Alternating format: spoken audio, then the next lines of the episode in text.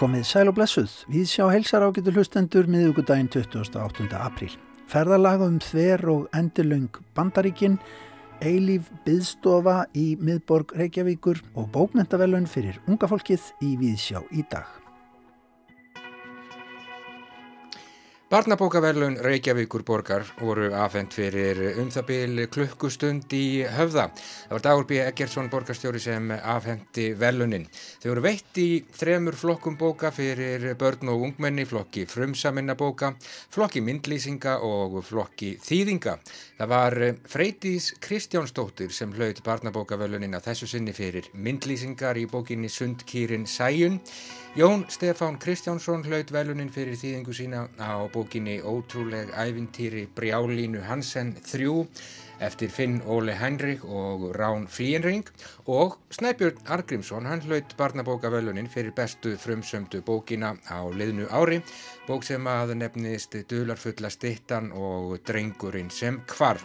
Snæbjörn sem eh, var auðvitað lengi umsöða mikill bókaútgefandi bæði hér á landi og á Norðurlöndunum hann fekk íslensku barnabókavelunin árið 2019 fyrir fyrstu bók sína Rannsóknin á leindardómum Eyði húsins við heyrum í snæbyrni hér rétt á eftir. Sjá heimsækir líka Harbingar síningarýmið við Freyjugötu í Reykjavík og ræðið þar við Bergþóru Snæbjörnsdóttur, Dögg Mósesdóttur og Rakel McMahon um síningu þeirra Waiting Room. Þetta er vídeoinsetning á þremur skjáum og nokkuð einkennlega upplifun að verða vitna henni, svo ekki sem er að sagt.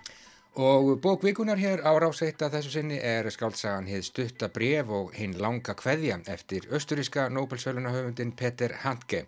En bókin kom nýlega út í íslenskri þýðingu Árna Óskarssonar. Þessi bók hefur áður komið við sögu hjá okkur hér í Víðsjágauti Chris Mansson Hann gaggrindi þetta verk meðal annars hér í þættinum í síðustu viku. Hlustendur heyra í árna Óskarsinni í þætti dagsins og um, við heyrum líka stött brot úr verkinu. En við byrjum á því að bregða okkur í blíðverunu niður í meðborg Reykjavíkur við eigum stefnumót þar.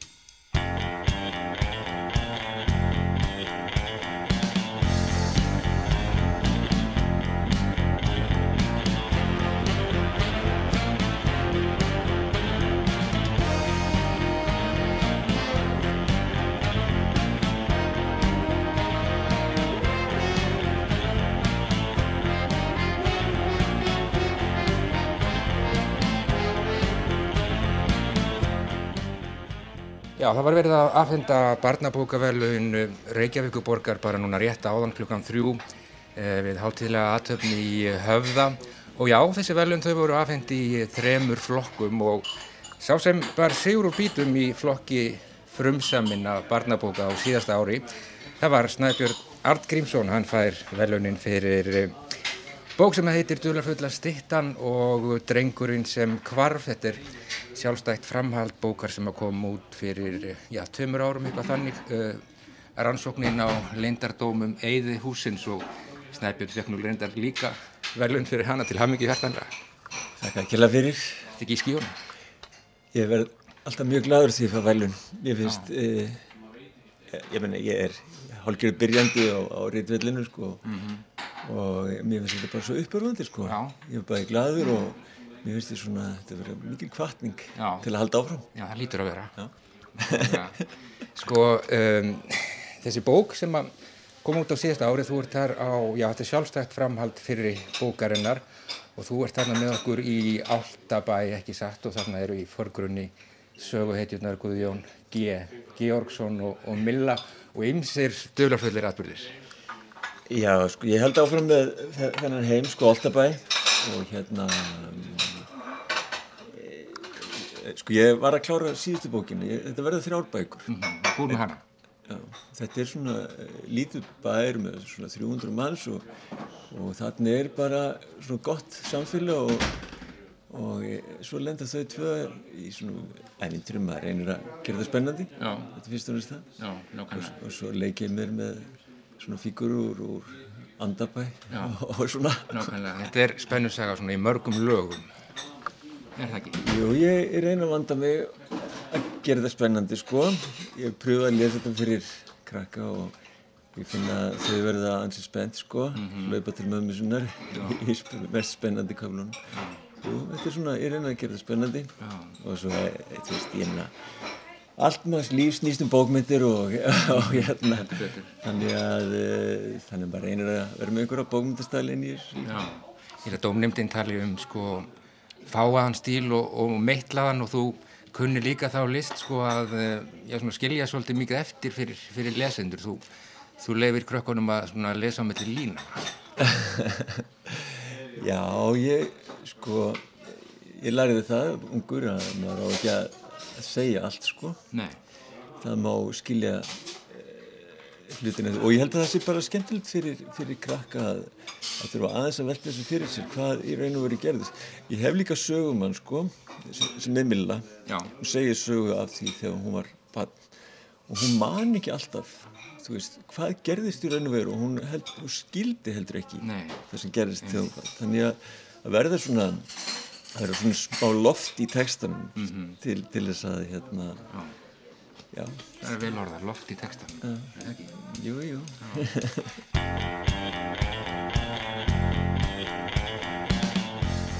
Sko, hvað var það eiginlega til þess að þú fórst að skrifa barnabækur, Snæbjörn? Ég sá einhver staðar haft eftir þér eða heyrði í útvarpinu að þú hafir, já, hreinlega fengið svona, já, nút í magan þegar að þú komst að því að vinahópurinn í kringum svonðin að, að þeir bara læsu ekki nokkuð skapaðan hlut. Já, ég spurði Núma sem er núna orðin 19 ára, ja, hvað, er, hvað er vinniðin að lesa? Og hann orðið á mig stórum og lesa? E, ekkert. Hvað mennur þau? Ekkert. Nei, þeir lesa aldrei neitt. Þeir, þeir bara lesa aldrei neitt. Ég segi, ja, er það grínast? Nei, þeir lesa aldrei neitt. Þannig, ja, mér fannst þetta svo, mér finnst þetta bara svo sorglegt fyrir þeirra hönd. Ekki þannig að ég vil að pína fólk til að lesa, en mér finnst bara, finnst fólk hérna fara á missu svo mikið ef það les ekki. Ég, ég, ég verð bara gladur og ég veist ég bæði þróskast og eflast og ég veit ekki hvað því ég les. Já. Þú vilt búið til uh, lesendur framtíðarinnar. ég, já. Sko þetta bara einhvern veginn þegar ég byrjaði þá sá ég þessa auglýsingu sko frá hérna barnabókavelunum og ég segi ég kannski ætti að prófa. Að skrifa þessa bók sko þarna sem kom út í, í, í Hítufyrr og hún vann svo velu það var aldrei skliðalegt líka. Þannig að það var nú bara svona byrjun á þessu. Nú er ég búin að skrifa þrjár. Þessi þriða bókin er, er tilbúin. Já, og væntal í haust. Þannig að nú finnst mér það að orðið ágætt. Ég ætla að pröfa eitthvað annað. Já. skrifa eitthvað annað. Nákvæmlega. Hefur áhuga á uh, barnabókmentum svona sem, já bara sem uh, bókmentagrein, lestu, lestu barnabækur? e, sko já, ég, les, ég er alltaf að reyna að læra sko. því ég var bókútgefandi þá var ég alltaf að já, minna, er þetta að selja þessa bók og er þetta bók sem höfða til ákveðins hóps og svona svo hætti ég að vera bókútgefandi og, og fór að skrifa bækur og nú les ég bara til að sjá hvernig hvernig rítuvendur svona leysa vanda Já. frásagna vanda sko. þannig að ég les svolítið að bandabókum sem til að reyna að læra af þeim bestu ég finnst nú bara enginn komast með tatnar þar sem Rowling hefur hæluna ekki en þá Harry Potter, Harry Potter sko sem þú kannast aðeins við. já já þannig að ég leita svolítið í hennar smiðju sko Já. les hana eh, ég lesið allir bækotur hennar nú í örglega í fjórðasinn Já, og hefur lært af henni? Eða hvað? Ég veit ekki hvað maður læri með, allar maður tekur þetta inn svona e, Já, já Já. Svo auðvitað læri maður af, af ekki bara barnabókum, ég les maður les allt sko. Isiguru? Ísigúr og já, já. Margir sem eru góðir sko. Já, en talandi um sko uh, bókaútgáfu þú náttúrulega býrði í uh, Kaupmannahöfn Snæbjörn, uh, þannig forvendilegt fyrst ég er með það hérna að svona spyrja þig út í það hvort þú fylgist með útgáfunni hérna heima og hvernig, hvernig hún svona, já, horfir við þér? Sko já, ég, ég fylgist, ég reyna fylgist með sko. Og sem, sem höfundur og fólkið þá þetta fylgist með hvað fólkið er að gera og e, svo fylgist þetta líka með bara svona alþjóðlega og í Danmörku og ég held nú sko satt að segja, mér finnst pílust stöðnun hér í íslensku Já, hvernig? með, með við það sem að sér í útlöndum sko. það, mér finnst bara svo mikið að gerast að var að vera að stopna nýtt fóla í Danmörku sem ég bara er ég er fullur aðdáðan sko, það er einhvern veginn e, þau eru að gera svo margt til, bara til þess að ebla sína höfunda það, það er svo mikil, svona, mikil gleði og svo mikil hjarta Já. í Það þessu haldið utan um höfundana. Já, og, og svona, maður hefur á tilfinningunni að, að þegar, þegar ný bók kemur hjá þessu fólagi að aldrei hafi komið út jafn góð bók og aldrei hafi verið jafn ótrúlega góður höfundur sem er kynntur í þetta sinn. Hvert skipti og, og maður trúur því alltaf sko. því, og ég held að þau trúi því sjálf sko. þetta finnst mér svo flott og svo er það byrjað við að gefa út veist, podcast eru nýta sér vefin til þess að kynna höfundina og til þess að gera uh, alls konar nýtt efni um bókmyndir ekki bara um eigin, eigin bókmyndir. Það er svona mikið, mikið sko, líf og, og vítamin í þessu kannski ástríða sem að þú hafði nú líklega að leðaljósi þegar þú varst að gefa út bækur hjá, hjá Bjarti í gána daga. Sko, ég held að ef ég væri útgefandi í dag þá er ég miklu betur útgefandi Já, eftir að þú fara, fara, að vera fara vera hinn með við borðið. Nei, ég er alveg samfærum það og þú veist ma maður er farin að skilja höfunda miklu betur og, og stundu, þú veist þegar maður pyrraður og höfundi hérna í gang nú skammast, skammast ég mig fyrir það að vera svona pyrraður stundum á það sem ég fannst hálfgerða um ekki gangur en nú skil ég hvað þetta getur verið mikið klípa Já, þetta er ekkert grín. Þetta er ekkert grín. ég geng um gólf alveg í ungum minu þegar, þegar ég stopp Já. að skrifa. Uh, freistar það þín að, að fara aftur út í, út í bókaútgáfi, varst ekki settu bara í straff þegar þú, þú seldir þetta á sínum tíma, það var eitthvað samningur. Já, já, ég sko, því ég seldi fólögin í Danmörku, þá skrifaði ég undir það að ég myndi ekki bara í samkerni við, við dönsk fólög í þrjú ár. Nú er sá frestu liðin. En ég gæti ef ég vildi, ég stopna nýtt fólög. En ég held nú ekki að ég fara aftur inn í það. Finnst það nú svona eh, skref aftur og bakk. Nei, ég vil ekki. Markvelvenar höfundur. Nei, ég veit nú auðvitað ekki hvað verður um þennan um þennan rít, eða þú veist að skrifa bækur ég get nú eiginlega ekki kalla mig rítöðun mér finnst það nú alltaf háð tillætt fyrir mig en ég veit ekki hvað verður, ég skrifa þess að búin að skrifa þess að þrjá ár og kannski skrifa ég einan, Já. sjáum til Já. hvernig það gengur Þannig að þú lokar þessu með, með Altabæ í, í, í næstu bók. Já, já í bíla allavega, það er ég loka engum dyrum en ég get sagt allavega, í bíla þetta sé þríleikur, það þykir nú alltaf ágætt sko, Já, þríleik er. En ég heyri á þér að þú, þú hérna ert líka farin að hugsa uh, næstu skref og fara þá mögulega í einhverjar allt aðrar áttir. Já, sko ég, ég er að pröfa að skrifa bók fyrir eh, hérna fullorna ég veit ekki hvernig það gengur sko. Ég, ég skrifa fram og tilbaka eins og nú er þetta krimmi nú er þetta hætt við að er þessi bók hætt við að vera krimmi glæpurinn einhvern veginn. Var það ekkert alveg þannig að nú er þetta bara orðið svona bók um, um fólk. Já, Þannig ég veit ekkert hvað, hvort ég ná að klára hana, við sjáum til hvað með það. En mér finnst, mér gaman, ég sit og skrifa á hvernig degi, já, mér nákvæmlega. finnst það gaman og Bæði hér í kvalfyrðunum og, og út, út í Kaupmannhöfn. já, ég, ég, ég reisti hús í kvalfyrði fyrir, fyrir hérna peningarnir sem ég fekk fyrir fórlæði, sko. Og hérna, mér varst nöðsöld að eiga bækistóð í Íslandi, ég með, Já. ég á mörg börn og, og svona og þannig við getum hist þar og þannig get ég setið og skrifa, Já, hortið við kvalfyrðin, já, hort út á hafið. já. Það er ekki slemt. fylgst með kábátumfriðinni Heyrðu, ég segi bara aftur til hamingju hjartanlega með barnabókavelun Reykjavíkur borgar sem að voru afhengt í höfða í dag og já, þú fær þannig fyrir þessa bók uh, dularfulla stittan og drengurinn sem kvarf og ég segi bara áfram veginn, takk. Já, takk kella fyrir It's dreamy weather we're on. You waved your crooked wand. Along an icy pond with a frozen moon. A murder of silhouette. Crows I saw. And the tears on my face. And the skates on the pond. They spell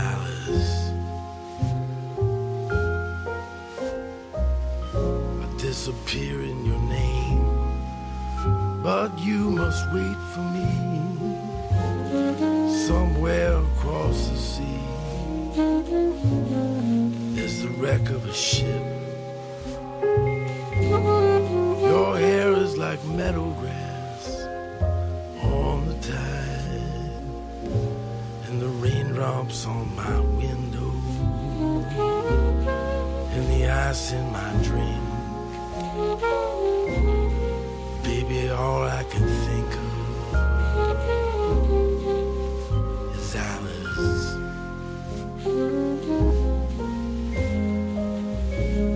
Arithmetic, arithmetic. Turn the hands back on the clock. How does the ocean rock the boat? How did the razor find throat? The only strings that hold me here are tangled up around the pier. And so a secret kiss brings madness with the bliss. And I will think of this when I'm dead in Set me adrift and I'm lost over there. And I must be insane to go skating on your name. And by tracing it twice,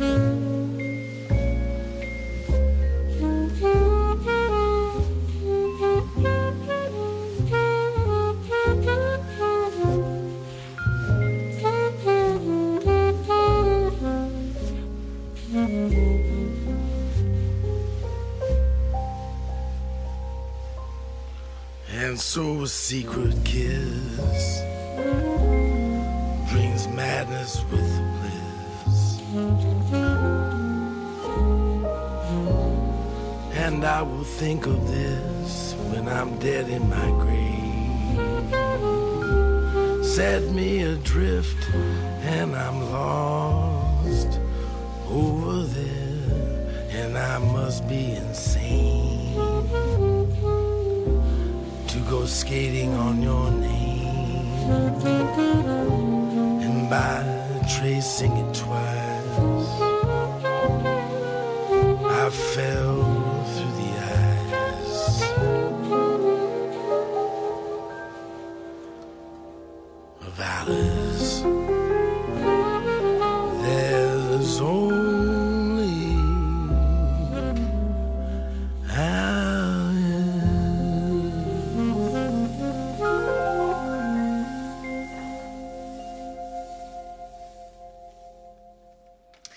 Já, Tom Waits, Alice af samnemndri plötu frá árinu 2002. Leikið fyrir Snæbjörn Arngrímsson, lag sem ég veit að hann hefur mætur á, hann hafði allavega mætur á því hér áður fyrr. Snæbjörn tók í dag við barnabókavelunum Reykjavíkuborgar í höfða fyrir bókina Dularfulla stittan og Drengurinn sem kvarf.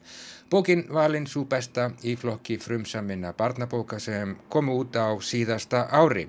Í ár fekk dómnefndin alls eh, 116 bækur til skoðunar, hvorki fleirin ég færri.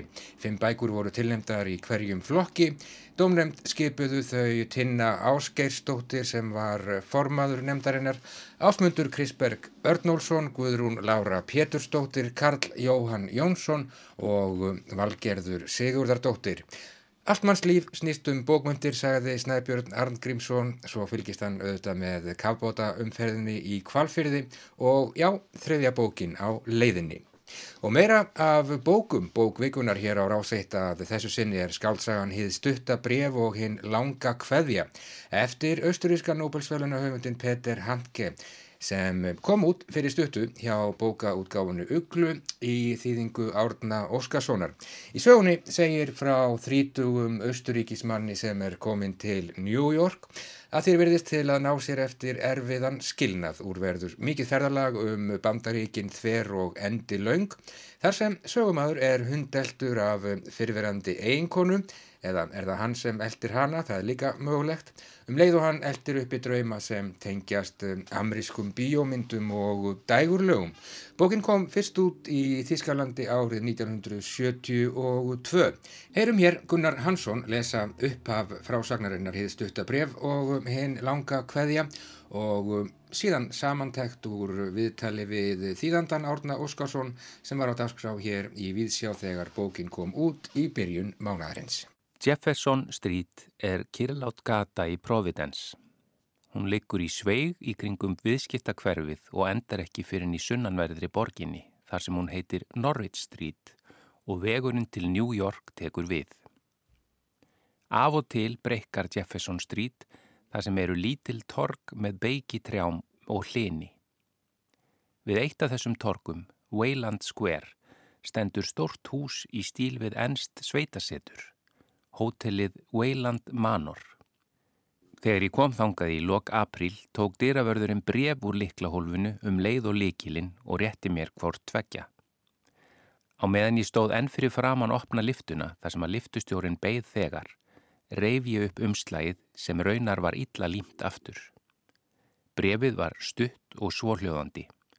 Ég er í New York. Vertu svo vært að leita ekki að mér. Það er þið ekki gaman að finna mig.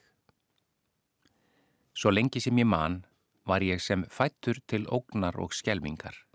Viðarbútar lága á víð og dreif úti í gardinum en baðaðir solskinni eftir að ég var borin inn í húsið fyrir komu bandarísku sprengjuflugvelana.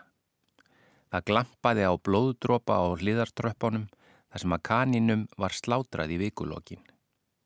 Í rökkri sem var enn ægilegra þar sem ekki var enn komið kvöld Staulaðist ég um leið og ég baðaði hlægilega út handleggjónum, meðfram skóginum sem var þegar horfin inn í myrkrið svo aðeins glitti í fléttunar á fremstu trjábólunum.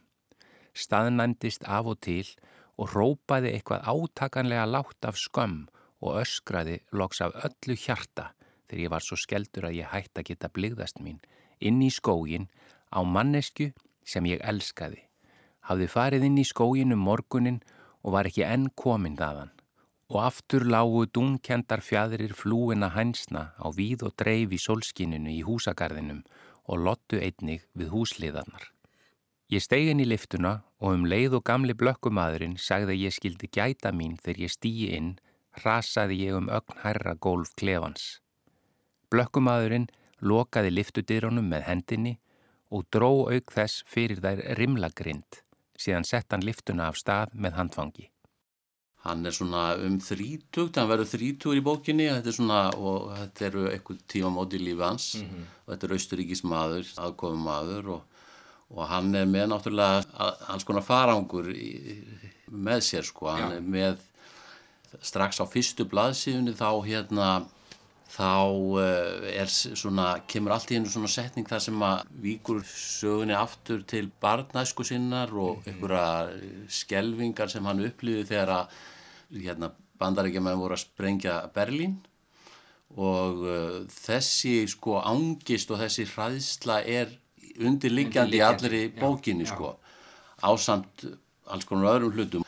Eh, sem sagt uh, alls konar hugmyndur um bandaríkin sem að hann er með í farangrunum líka. Og náttúrulega þessa, þessi kynnslóð sem hann tilheyrir hún náttúrulega er það kemur þarna fram eftir stríðið og, og uh, kúltúrin sem að um, á þessu þýsku mælandi svæði hann var kannski ekki að höfða mikið til þessari kynnslóðar eftir nazista tíman Nei, og þá var sem sagt var bandarískur kúltúr hann bara hitti beint í mark -hmm. og þú veist, vinnur hans Wim Wenders, hann lísti þessu þannig að eh, að bandaríkjumenn hafa gert undir meðvindum okkar að nýlendum sínum þannig að það voru rosalega svona sterkar tilfinningar svona tengdar við kvikmyndir poptónlist mm. og, og uh, bókmyndir frá bandaríkjum Já, þetta er kannski einum þræði ferðalega aftur í tíman líka vegna þess að hann er að upplifa þarna einhverja hluti sem að skjótonum aftur í, í hans eigin bensku en, en hann er að hvað maður að segja fyrirverandi konun hans sendur honum bríf strax í, í upphafi uh, sögu, ég er í New York verður svo vætna að leita ekki að mér, það er því ekki gaman að finna mig. Og svo hefst einhver svona eldingaleikur og maður veit ekki almenlega hvort það er hún sem er elda hann eða hann að elda hann Já, einmitt. Og þetta hérna er mjög óvinnlegt í höfundaverki Pettis Handke að nota svona frásagnar brellur eins og sko morðhótanir og, og, og hótunarbref og svona. Og hérna en fyrir vikið að þá er sagt, þessi kona er alltaf sín ála í allir bókinu og eh, já sem að er mjög skemmtilega gert sko. Já, en svo er þetta náttúrulega bara líka einhvern veginn svo mikið það er svo mikið af hugmyndum um sko skinnjunina og já. hvernig maður skinnjar heiminn mm. og veist, hvernig maður kemst fram hjá klísjónum og, og, og, og svo framvegis mm -hmm. og það til dæmis það er alltaf gaman að að kaplunum það sem hann er að ferðast með, með barninu sko og mömmu barsins þetta er svona barn sem er greinilega svona einhverju einhverfu ró, rófi sko mm -hmm. og skinnjar sko verð heiminn sko allt öðruvísi en við gerum yfirleitt sko. það, hann er líka mikið að fjalla um sko, ímynd bandaríkja manna af sjálfum sér mm -hmm. og svona hugmyndin um bandaríkin draumurinn um bandaríkin og það er einu stað það sem að hann fær svona vitrun hann sko skinnjar þennan draum. Og það er einpípu blástur þannig á Mississippi fljótunu fljótabáturinn Mark Twain Já, og, hérna, og þá bara allt í hennu skinnjar hann eitthvað sem hann hafi bara sko, þekkti bara af afspörd sko. Og þetta er algjörlega, algjörlega tilvíðunum kænt allt inn gemur þessu rosalegi blástur og hann bara allt innu skinjar bara þennan stóra draum já, sko, í þessu hljóði. Já. þú veist á köplum er þetta mjög mjög svona íkt hugar ástand sem hann er að lýsa já. og uh, hérna og hann, hann líka þú veist hann skrifur um drauma og, og hérna þú veist þessi skinn tala við sjálfan sig og, já En svo er það, eh, sko við skulum ekki tala og ekki kæfta af okkur en, en endir þessar bókar, hann er, hann er óvæntur og hann er undarlegur en á eitthvað fyrðulegan hátt, stór fyrðulegan hátt, bara hárréttur. Já, einmitt. Sko maður hefði, maður geti aldrei sko hérna séð fyrir þennan endi sko Nei. út frá því sem eh, það sem fer á undan sko mm -hmm. og þar kemur þetta undir lokin áður nefndur John Ford við, við sögu Já, einmitt hann náttúrulega grinnlega hefur haft mikil áhrif á, hans myndir hafa haft mikil áhrif á hérna á handge og uh, hann segir frá atriðum í hérna myndum hans og þú veist, þetta er einhvern veginn svona atrið sem að eru einhvers konar viðmiðanir í lífunu sko, eins og atriði það sem hann segir frá, það sem hann fer á asna með, með einhverjum öðrum manni á hægu bröð, eða hérna hægri ferð þannig í landslæginu og spilar á júðahörpu og þetta er einhvern veginn sko ídeal ferðamáti finnst manni, sko, okay. bara að fara um svona landslægið spila júðaharpu og svona taka það inn sko. Þetta er svolítið hann. Á meðan á þessu samtali stóð sátum við á efsta þilfarinu á fljótabátnum Mark Twain og byðum þess að skipið sildi út á Mississippi fljótið. Margir ferðamenn í kringum okkur, allt bandaríkjamenn, byðu eins og við með bjórdósir, kóklös og popkortspoka í hendi, nánast án þess að tala saman og fyldust fyrst með reybónum sem nú voru losuð af bryggjupólunum, síðan með svörtu háu reykháfunum tveimur. Báturinn reyfðist hægt aftur og bakk út á fljótið, ruggaði þar svo litið á sama stað og heyra mátti kvissið í innilokaðri gufunni gegnum öryggisvendlana. Kolsvartur reykur bast upp úr reykháfonum svo að himinin sortnaði um leið. Síðan kvein í einpípunni og ekkert okkar, ekki einu sinni kler, vissi hvernig þetta lýsa því hljóði fyrir barninu sem stakk höfðinu strax á milli fóta okkar. Engin tótt heldur langvarandi endur teki hljóð tröll aukinar þverflöytu og maður þurfti að ímynda sér heila þjóð við munnopið. Hávaðin var svo dýrslegur og kvínandi um leið og við blasti þykkur sífelt kraftmeiri og útbólgnari svartur reykjamökkur og ófyrir sjáanlega breytt Mississippi fljótið, svo hástemt og stolt og ég gati ekki annað en litið undan feimin og þó líkamlega gagtekinn. Svo máttugur var blásturinn að mér vitraðist döðskjelkuðum eitt andartak á meðan á honum stóð, draumur um Ameríku sem ég hafði fram að þessu aðeins þekkt af afspurn. Gunnar Hansson las stuttbrot úr bókinni Heið stuttabref og hinn langa kveðja eftir Petir Handke sem er bókvikunar hér á rásætta þessu sinni.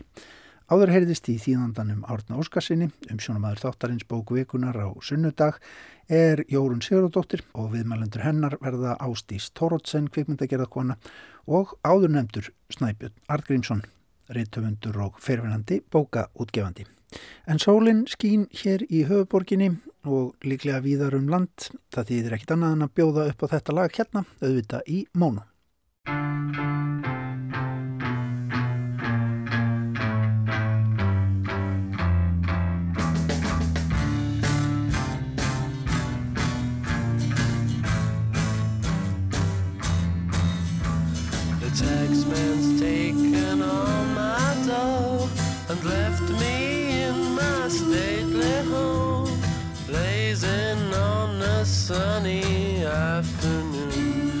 I can't sail my yacht. He's taken everything I got. All I've got's this sunny afternoon.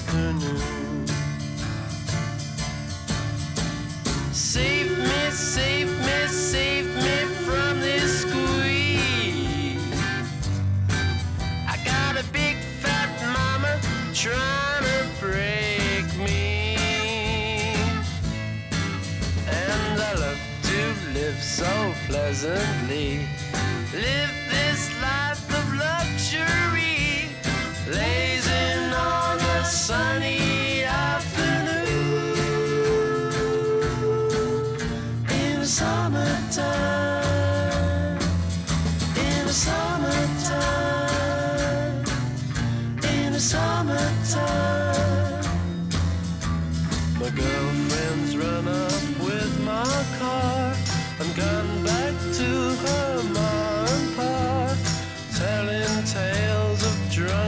drunkenness and cruelty.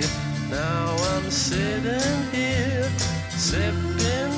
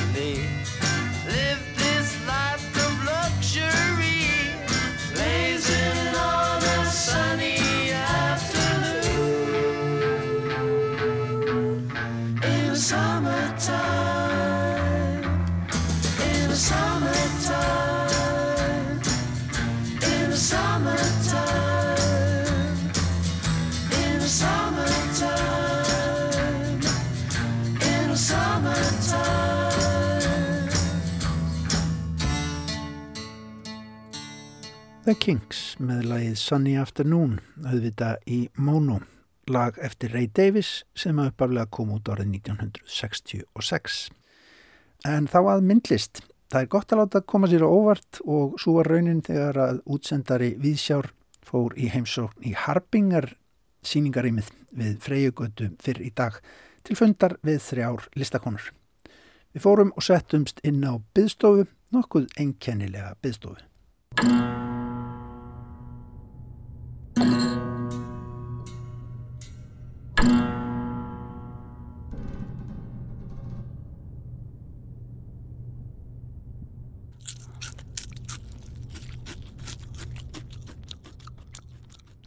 To test the impact of visual art on waiting behavior, a set of visual images of appropriate contemporary performance art was selected, based on the existing guidelines for art. Við erum komin í heimsókn í Harbinger Gallerí uh, við Freyjugötu og hér er síning uppi sem heitir Waiting Room. Við erum búin að sitja hér á þessari byggstofu í einhverjar 20 mínútur eða svo og horfa á vídeo sem að, já ég veit ekki alveg hvernig mér líður eftir að hafa hort á þetta verk. Ég ætla að byrja listakonurnar að byrja á því að kynna sig. Þetta er Bergþóra Snæbjörnsdóttir. og Rakel Magmán, Dögg Mósesdóttir. Ég segi bara takk fyrir mig. Þetta var mjög fróðleg stund að sitja hér á þessari byggstofu og hér er búið að stilla upp eh, stólum og hér stendur upp á vegg What are you waiting for? Eh, hver ykkar vil byrja? Eh, þetta er vídeoverk sem er, eins og ég segi, 17, 18, 20 mínútur eða svo. Og eins og ég segi, ég veit ekki alveg hvernig mér liður. Hva, hérna, hvað segir þið? Hvað upprunni verksins? Sko, þetta er raunni byggt á gjörning sem að ég og Rakel gerðum saman í Oslo, svona lauslega byggt, personar komið þar fyrir og okkur hefur alltaf langað að vinna með Dögg sem er frábær kveikmyndigerakona þannig að við spurum hana hvort hún var ekki til að gera vídeoverk með okkur og þetta var sko 2015-16 sem við byrjum að taka þetta upp. Og uh, Rakel er ófrísk þegar við verum að taka þetta upp og hérna er hérna óléttur einhjörningur á, á línuskautum og hérna og uh, við einhvern veginn kláruðum aldrei verkið ætluðum að sína það á listaháttíð en svo upp fyrir og hérna og svo fundum við ekki rými til að sína það og hérna þannig að það er einhvern veginn fór bara algjörlega í byðstöðu og þannig varð einhvern veginn uh, raungerðist verkið í raunveruleika okkar sem við byðum og byðum. Þaðan kemur byðin. Þannig að ég gerir það fyrir að barnið sér koma á leikskóla, Rakel, eða ekki, eða hvað? Uh, jú, hún er komin í leikskóla og var að verða fimm ára. Um, þannig að uh, byðin, já, ég held að við höfum allar svona, sko, við vorum um þetta ræða þetta á henni, þetta er náttúrulega komið svolítið langt síðan og uh, byðin, þetta er eitt af þessum verkum sem ég finnst persónulega pínulítið erfitt að tala um út af því að það er svo mikið svona fáránleiki og absurdismi í þessu verki sem oft einhvern veginn kannski er erfitt að ræða. Um, en byðin held ég að hafi kannski bara verið svolítið svona, við vorum á þannig stað í okkar persónulega lífi að, að við vorum hérna að býða eftir ymsu meðalansbarni og hérna en svo erum við náttúrulega líka bara búin að vera svona fabulera um þessa byða ég held að þetta sé eitthvað sem er viðlóðandi alltaf uh, og þegar þú hættir að býða eftir einhver einu þá kemur eitthvað annað sem þú byrjar að býða eftir það er eitthvað meginn já, byðin er viðlóðandi bindur þetta alltaf saman svona einhvern veginn fyrir manni. Já. Og svo sitjum við hér á þessari byðstofu sem er að því að þá var, þá var ítt undir þá upplifun gestsins, ekki satt? Jú, og það er sko, ég held að þetta hafi átt að fara svona að því að verki fjallar um þrjár personur, stereotypur eh, sem við erum svona að leika okkur með og, afbökum og hérna sem eru fastar á skjám og þetta hefði eiginlega ekki geta verið sínt á betri tíma upp á það ekki.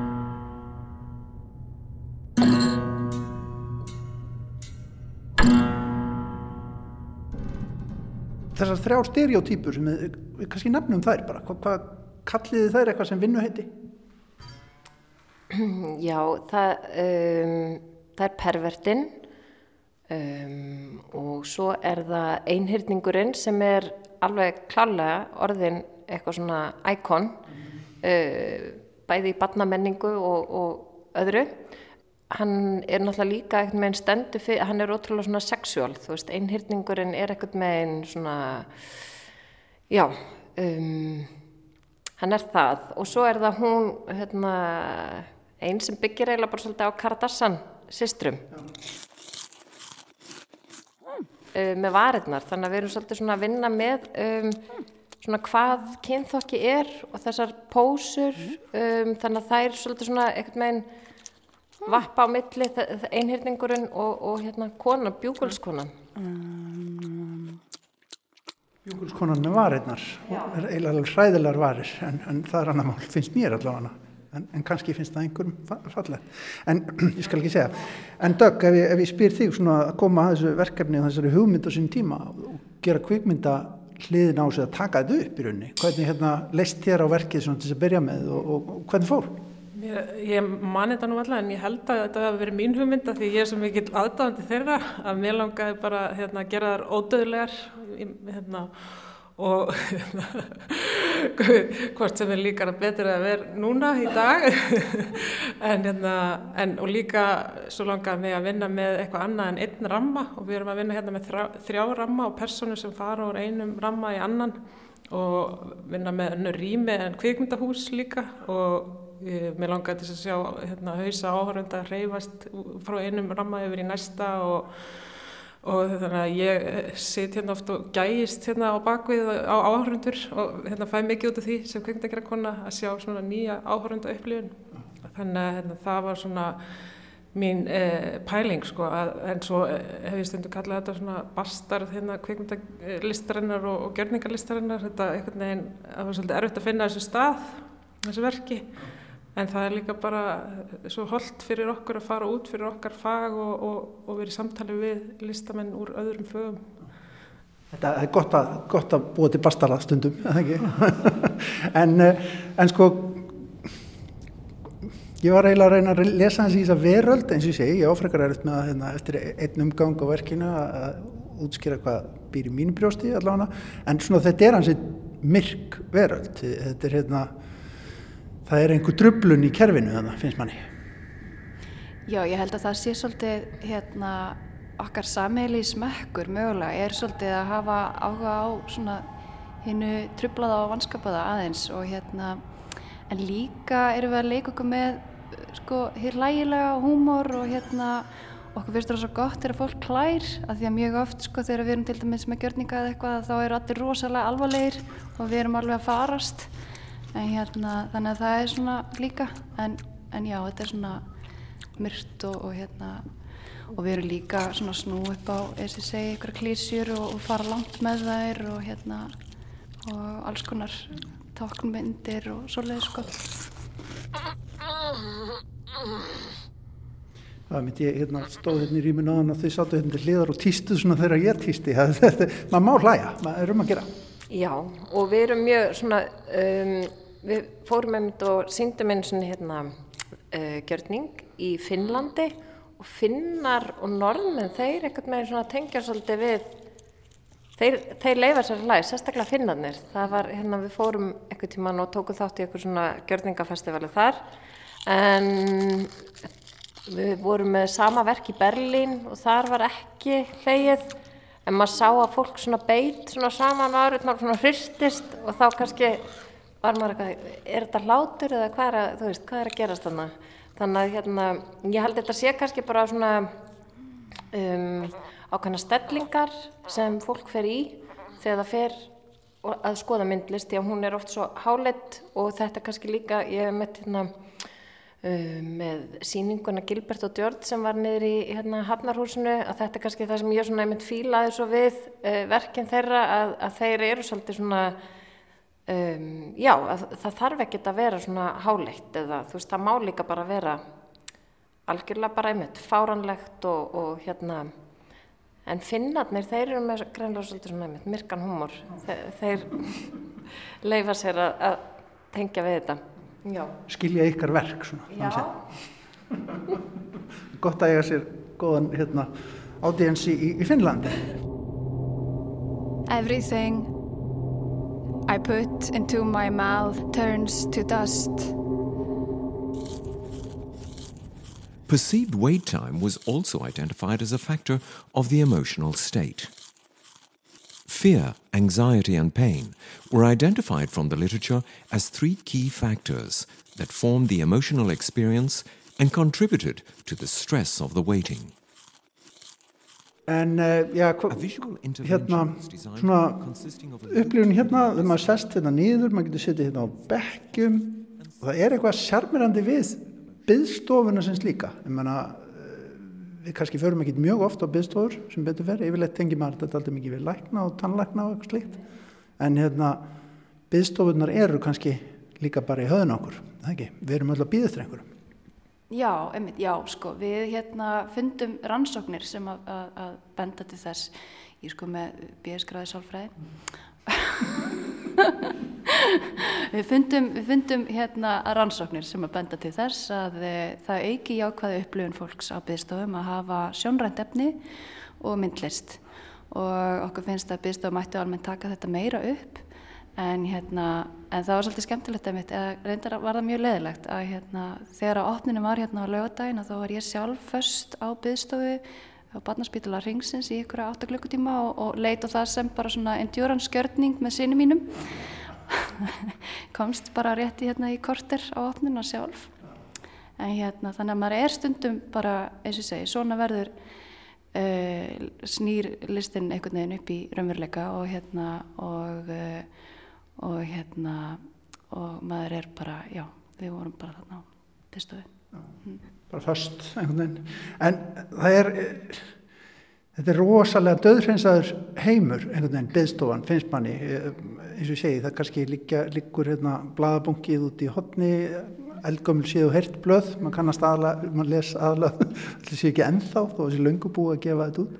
Ekki COVID, nú búið að taka allt. Nei, já, nú er búið að taka allt, já, auðvitað já, það, já. Það, þannig að, þannig að hún, hann er ennþá döðhreinsaðari þessi, þessi, þessi veröld, já.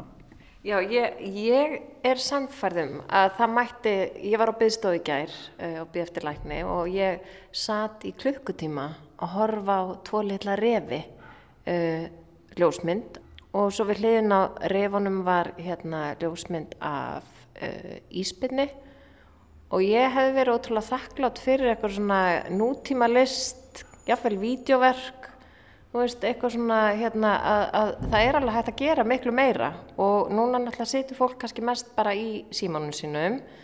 En ég held að þetta sé alveg klárlega van nýttur svona vettfangur fyrir hérna samtíma myndlist að vera með vídeoverk og annað.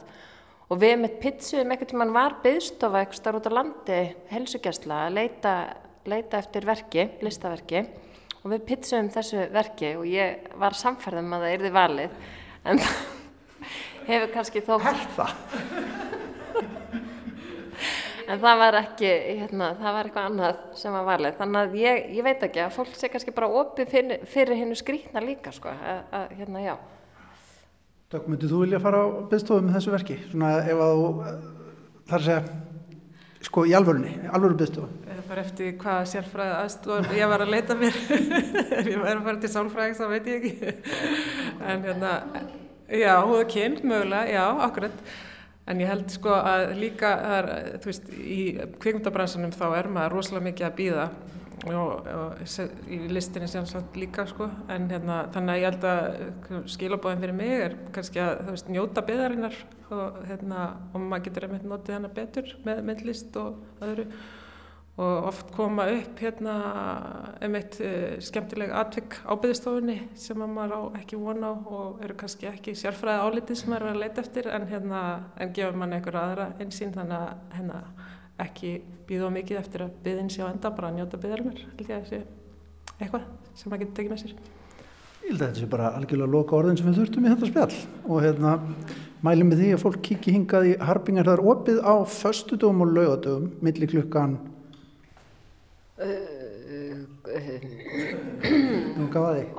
á fimmtudaginn, en á morgun er fimmtudaginn langi, þá er líka opið. Já, 15 langir að byrja. Nú Já. er kvöldopnunir í, í listasöfnum. það- það er opið á. Syngastöðum. 25 á föstudum og lögutum og hérna og annað kvöld verður opið. Um að gera.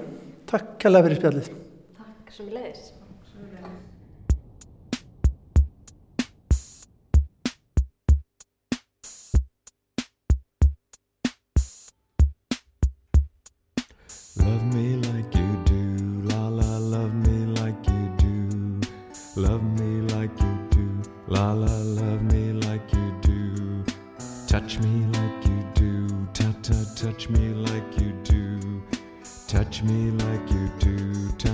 Touch me like you do.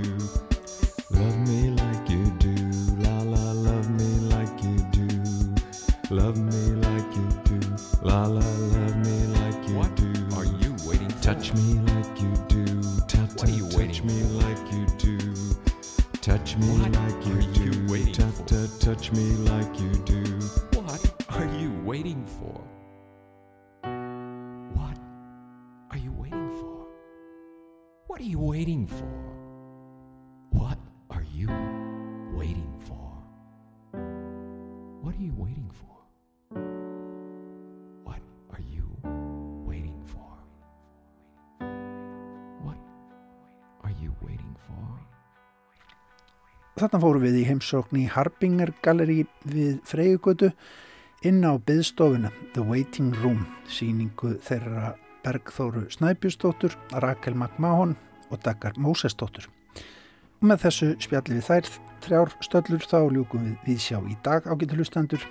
Þáttunum verður hér aftur á sínum stað og sínum tímalust eftir klukkan fjögur á morgun á dagskrára ás reitt.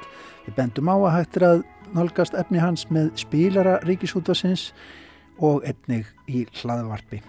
Takk fyrir samfélgina í dag, ágætu hlustendur, verið sæl.